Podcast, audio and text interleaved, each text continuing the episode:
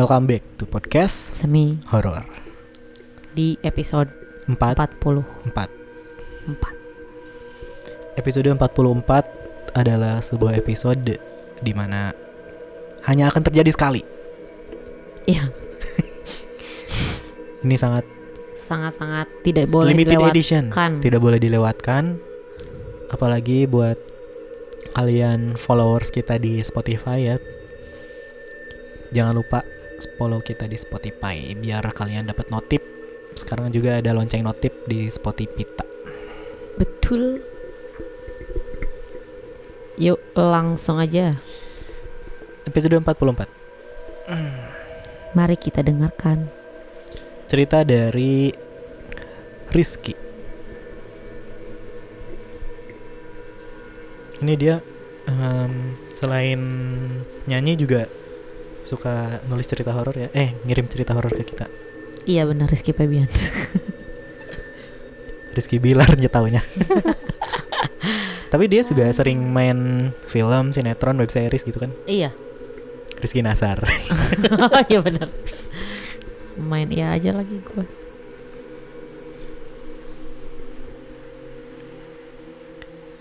Halo, selamat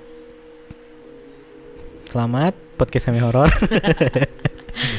Terima kasih Perkenalkan nama saya Rizky. Kali ini saya akan menceritakan pengalaman saya ketika saya liburan. Suasana liburan menjadi kacau, semua karena ulah Ferry. Dia menghisap rokok dan dia makan satu buah pisang segar yang disajikan untuk para leluhur. Waduh Jelas saja, tak butuh waktu lama untuk mereka yang tak kasat mata dibuatnya marah nih. Cerita kali ini masih tak lepas dari gunung nih. Hmm Ternyata ya, gua baca-baca nih. Iya iya iya Sabtu sore, kebetulan aku dan tiga teman lainnya akan berangkat liburan di suatu gunung. Gunung yang akrab dikunjungi kala sunrise. Itu menarik minatku dan teman-temanku untuk bermalam di salah satu villa. Ini kayaknya gue tahu deh gunungnya. Di mana tempat villa itu hanya berjarak ratusan meter saja di kaki gunung. Kebetulan hari itu sedang ada acara besar. Orang-orang suku di kaki gunung sedang ramai menyiapkan segala sesuatu.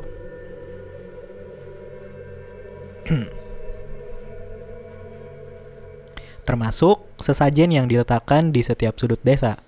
Hingga setiap rumah pun ikut menyiapkan sesajen itu. Di rumah tempatku menginap terdapat dua sesajen, yaitu di dapur dan pintu depan rumah.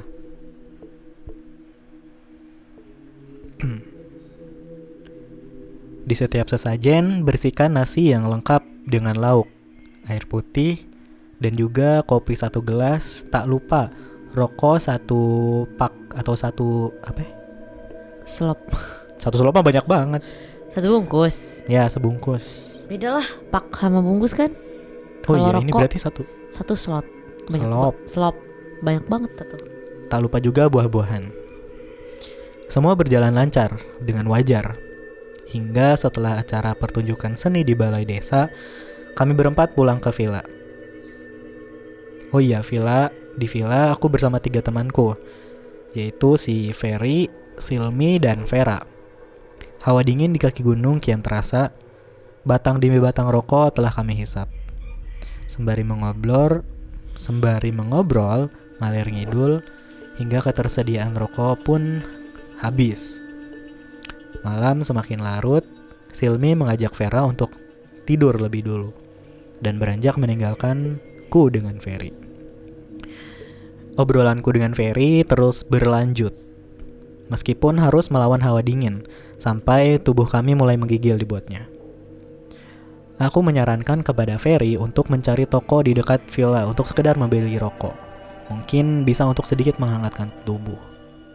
Namun ditolak mentah-mentah oleh Ferry. Malah Ferry si Ferry ini langsung melihat sesajen yang ada di depan pintu di pintu depan villa yang kami tempati untuk menginap. Nah, itu kan ada rokok. Oh iya, boleh juga ya, jawabku. Tanpa basi-basi lagi, Ferry beranjak dari tempat duduknya dan mengambil satu pak rokok di tempat sesajen itu. Lalu dilemparnya ke arahku. Hmm. Langsung aja, ku buka dan ku ambil satu batang. Begitu juga dengan Ferry yang langsung menghidupkan satu batang rokok lainnya. Kami terus menghisap rokok, kami terus mengobrol, mengobrol. Kok perutku lapar ya? Apa aku makan aja ya itu yang ada di sesajen? Aku hanya menganggukkan kepala sebagai tanda persetujuan. Ya. Setelah melihatku mengangguk, Ferry langsung beranjak menuju pintu depan. Rupanya dia bawa sekalian sama tempatnya atau apa sih wadahnya gitulah. Kayak wadah sajennya tuh dibawa semua. Dia taruh di atas meja ruang tamu seakan sesajen itu menjadi suguhan buatku dan Ferry. Dengan lahap, hidangan sesajen itu dilahap oleh Perry. Kamu gak mau? Kata Ferry menawarkanku. Makan aja, aku masih kenyang. Jawabku, kebetulan aku masih kenyang emang setelah makan sesuguhan sewaktu di balai desa tadi. Oh, lanjut Ferry sambari mulutnya mengunyah pisang yang masih segar itu. Sambil terus mengobrol, mataku tiba-tiba refleks melihat ke arah depan rumah. Hmm. Kenapa Ki? Tanya Ferry yang kemudian menghentikan makannya. Kamu gak ngerasa ada bayangan yang lewat di sela-sela bawah pintu? Menuju ke jendela tadi. Enggak. Halu kali kamu. Hmm, iya kali. Hingga sampai kami berdua benar-benar merasakan ada angin yang lewat di antara kami menuju ke dalam rumah. Refleks, kami saling menatap kaget karena memang di luar sedang tidak ada angin sama sekali. Apa itu? Gak tahu, cuma angin kali. Jawabku sembari menaikkan kedua pundak. Kami tetap berpikiran positif, juga tidak menghiraukan kejadian itu. Kami terus melanjutkan obrolan yang sempat terputus. Ketika kami larut dalam suatu topik, tiba-tiba dihentikan oleh teriakan Silmi dari kamar. Mendengar Silmi menjerit, sontak kami pun langsung loncat dan berlari menuju ke kamar Silmi dan Vera. Sesampainya di depan pintu kamar Silmi dan Vera, kami hendak masuk dan membuka pintunya, namun ternyata pintunya dikunci. Silmi, kenapa? Lo gak apa-apa?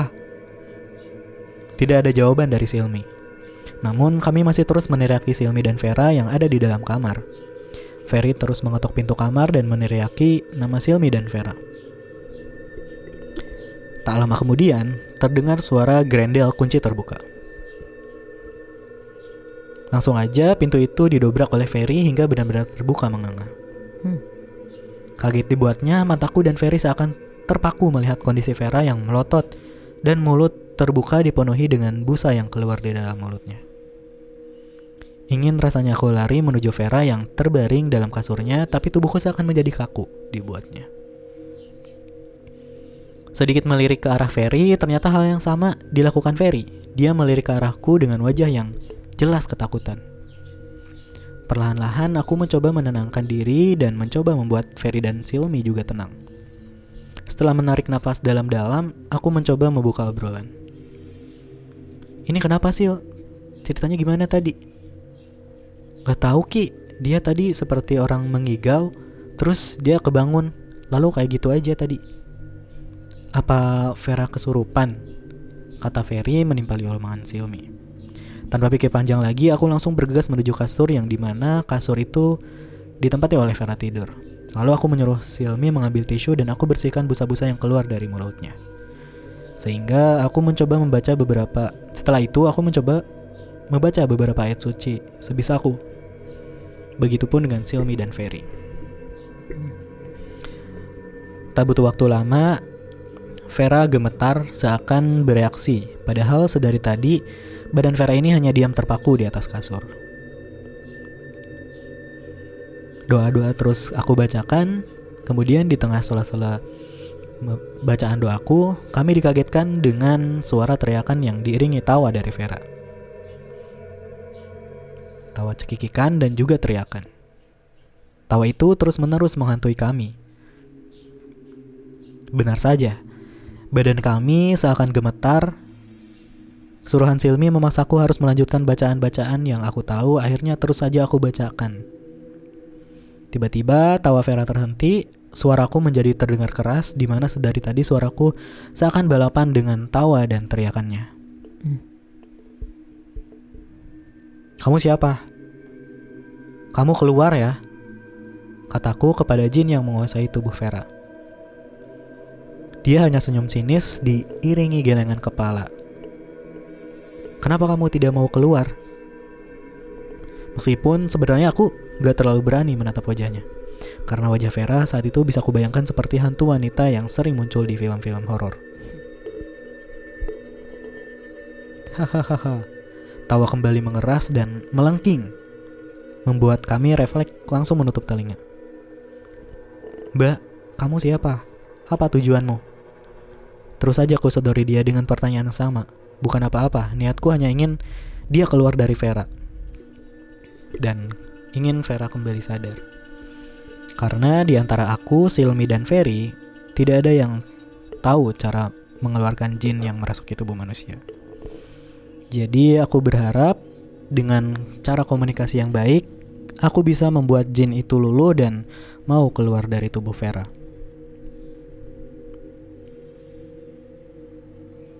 Aku adalah Sri. Jawab darinya mulai ku dengar. Namun saat dia menyebutkan nama, dia tiba-tiba hilang dan mata Vera terpejam dengan cepat. Kaget, langsung aku menoleh ke arah Silmi dan Ferry yang ada di belakangku. Udah hilang, udah keluar. Aku mendapat anggukan dari kedua temanku. Setelah itu, dengan cepat mereka berdua mendekat. Sesampainya di samping Vera, mulai dipeganglah nih tangannya oleh si Silmi dan mulai digoyangkan pelan. Vera, bangun Vera. Silmi terus mencoba membangunkan Vera dan bukannya bangun, dalam mata terpejam tiba-tiba terdengar suara. Permisi, nak. Suara itu termu suara itu muncul dari mulut Vera. Entah pada waktu itu aku ingin aku mengira Vera ini sedang mengigau dan rupanya Ferry dan Silmi satu suara denganku. Dia ngigau lagi, kata Silmi. Aku mengangguk dan hatiku lebih tenang dari sebelumnya. Ya udah biarin dia tidur. Jawabku sembari mencoba beranjak dari situ. Namun belum sempat aku beranjak, suara dari mulut Vera kembali terdengar yang menghentikan niatku. Jangan pergi, saya mau bicara. Sontak saja, aku langsung mengurungkan niatku dan berpikir ini adalah yang tidak ada yang gak beres nih. Mau ngomong apa? Mau ngomong apa? Vera. Lu mau ngomong apa, Vera? Aku mau noleh ke arah Silmi, begitu juga dengan Ferry. Malam itu benar-benar dibuat bingung. Saya bukan temanmu. Saya penunggu tempat ini. Wah, kayaknya dia kesurupan lagi nih. Gumamku dalam hati. Kenapa kalian ambil suguhan kami? Suguhan? Iya, sesajen itu adalah suguhan kami. Ferry langsung menoleh ke arahku sambil berkata pelan, Mbak orang berbisik. Sesajen yang aku makan tadi, Ki. Aku menjawabnya hanya dengan anggukan saja karena memang rasa takut seakan menguasai tubuhku. Takut penunggu itu marah. Lebih baik penunggu itu akan menyakiti eh lebih-lebih penunggu itu menyakiti dan membunuh Vera. Maaf, kata Ferry memelas. Jin yang merasuki tubuh Vera terdiam sejenak sebelum akhirnya angkat bicara. Aku tidak apa-apa membagikan makananku kepada kalian, asal kalian tahu sopan santun. Kau ambil juga rokokku, tanpa meminta dulu kepadaku. Apa itu perbuatan yang terpuji? Kami hanya terdiam, Tidak ada bantahan dari kami karena memang semua salah kami, terutama aku dan Ferry. Jikalau kalian menginginkan sesuatu bukan milik kalian, mintalah kepada pemiliknya dengan sopan. Jin tersebut terus mewejangi kami, menasihati kami, membuat kami benar-benar merasa bersalah. Sesekali aku mencoba melirik ke arah Ferry, menyuruhnya meminta maaf karena telah memakan buah pisang segar dan rokok milik Jin yang ada di dalam tubuh Vera. Simpel aja lah, niatku kalah Niatku kala itu agar jin tersebut cepat keluar dari tubuh Vera. Untung aja saya mengetahui hal ini. Jika tidak, teman kalian akan terbunuh oleh pasukan saya. Hmm. Jangan, Mbah, kata Silmi memelas. Iya, Mbah, saya minta maaf. Janji tidak akan mengulangi hal seperti ini lagi. Timpal Ferry sebari memelas. Baiklah, sebelum saya pergi, pesan saya berhati-hatilah dalam bertindak terlihat atau tidak, sesungguhnya bangsa kalian dan bangsaku saling berdampingan. Hargailah satu sama lain. Ujar jin yang ada dalam tubuh Vera. Iya mbah. Jauh kami serentak sembari menganggukkan kepala. Tak lama kemudian, jin tersebut menghilang ditandai dengan melemasnya tubuh Vera. Vera, Vera, bangun Vera. Sontak Silmi langsung mencoba membangunkan Vera agar tidak ada lagi jin yang masuk ke dalam tubuh Vera. Tak lama, akhirnya Vera pun siuman dan terlihat jelas dia seperti orang yang habis lari 10 km. Hmm. Nafasnya juga masih terengah-engah. Aku kenapa Silmi? Tanya Vera ketakutan, wajahnya pucat dan badannya masih lemas. Kamu gak apa-apa, tadi kamu pingsan, mungkin karena kecapean. Timpa aku yang gak ingin memperkeruh suasana. Silmi mengangguk dan tersenyum sembari menatap wajah Vera. Ya udah kamu istirahat ya, Vera mengangguk kemudian mencoba memejamkan matanya lagi. Ki, kita balikin aja sesajennya ke tempat semula. Kata Ferry mengajakku mengembalikan sesajen itu. Oke oke, biar sementara Silmi di sini dulu menemani Vera. Sampainya di tempat tadi, Ferry langsung mengambil tempeh atau wadah sesajen itu dan meletakkannya lagi di tempat semula. Terima kasih mbah, kataku dan Ferry kemudian kita kembali menuju kamar. Karena trauma dengan kejadian yang menimpa Vera, kami memutuskan untuk tidak tidur hingga pagi. Kami bertiga berusaha tetap terjaga untuk menjaga Vera. Hingga sekitar pukul 3 dini hari, Vera terbangun. Dia bermimpi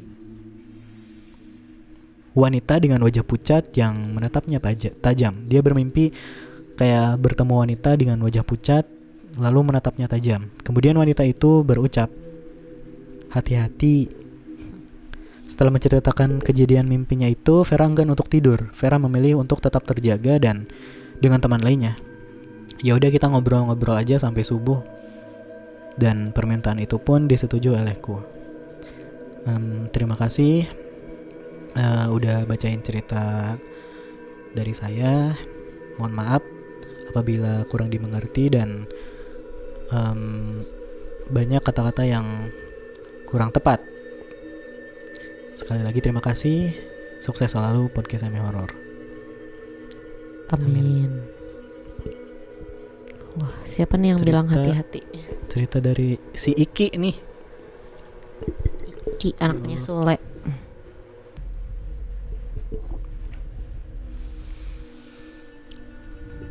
Kayak kemarin lagi nih. Eh, bukan. enggak, enggak, enggak. Kemarin apa? Waktu di episode sebelumnya mah itu mah itu sajian yang di hutan. Yang 13 km ke dalam hutan. Oh, iya iya iya.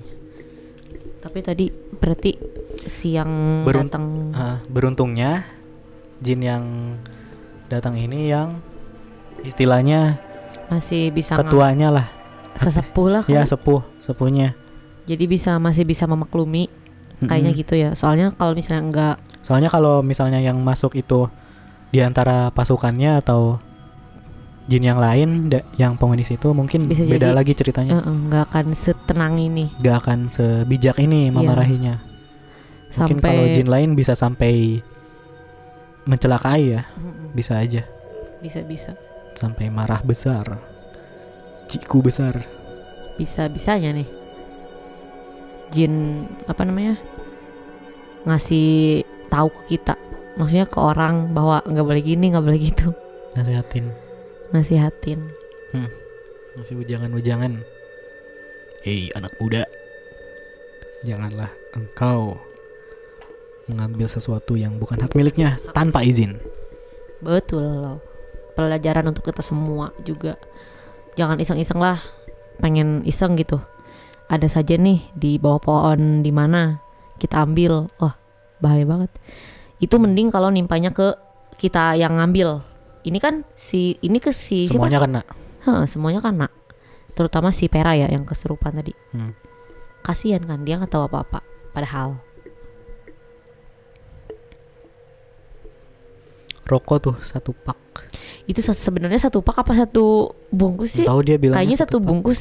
Ya sebungkus. Soalnya tadi dia buka ambil satu bungkus ya Satu batang. eh satu batang ya berarti kayaknya satu bungkus satu pak tuh. Hmm. Masih Satu pak mah satu, kardus. Satu seret berapa biji tuh? Ada kali 10. 10 itu kan satu selop. Hmm. Kalau satu pak itu berselop-selop. Oh, emang gitu ya? Ya nggak sih? Nggak tahu. Ya itulah. Ya pokoknya kayak gitulah. Ngambilnya satu batang sih. Pisang doang. Eh pisang sama itu. Sama rokok. Rokok. Pisang seger. Ya iseng juga nih orang ya. Udah tahu sajen malah diambil. Tapi menariknya di sini adalah pertama kalinya kita dapat cerita yang si jinnya ini menasehati, Mm-mm. membicarakan, mewajangi baik-baik. Baik-baik. Bisa masih bisa diampuni oleh si jinnya. Hmm. Cuman tadi yang si Vera kan sebelum kesurupan si jin yang sesepuh ini sebelumnya Hmm. sempat kesurupan juga. Hmm. Cuman setelah didoa-doa dia kalah. Mm-mm. Mm. Dia Terus? keluar terus Masuknya si Perat tertidur pas si Iki mau beranjak eh ada ada yang manggil taunya jin sesepuh tadi iya, tunggu dulu saya mau bicara Anjay. iya. sini dulu sini dulu anak-anak Saya Abah mau bicara. abah abah Mama, mama. Nah, mantap. Episode kali ini ceritanya Um, bagus. Sangat bermanfaat. dari balik kembali da- dapat dari Ed catatan Yohanes nih Ya, makasih Bang Yohanes Mm-mm. atas cerita-cerita serunya. Sangat berguna buat pendengar nih. Bisa juga kalian follow ya Twitter. Hmm. kalau mau Yohanes. nonton YouTube-nya juga ada tar kita cantumin di deskripsi Iya. Buat kalian yang pengen kirim cerita boleh klik link yang ada di bionya Instagram at podcast semi horror atau di Twitter at pod underscore semi horror atau boleh langsung aja kirim email ke podcast semi horror at gmail.com Dan jangan lupa juga subscribe di YouTube-nya podcast Skicap, semi horror. subrek subrek dan juga share ke semua sosial media biar pada ngirim cerita nih, ngirimin cerita pengalaman pribadinya yang Mm, mungkin sering ngalamin kejadian-kejadian mistis. intinya Tuh. jangan lupa subscribe Komen. komen and Mohon maaf jurnalisnya dipakai. ya, episode 44 akhir kata Aziz pamit Yunda pamit. stay safe stay healthy and Stay with podcast semi horror. Bye bye. tetap dengarkan podcast Semi horor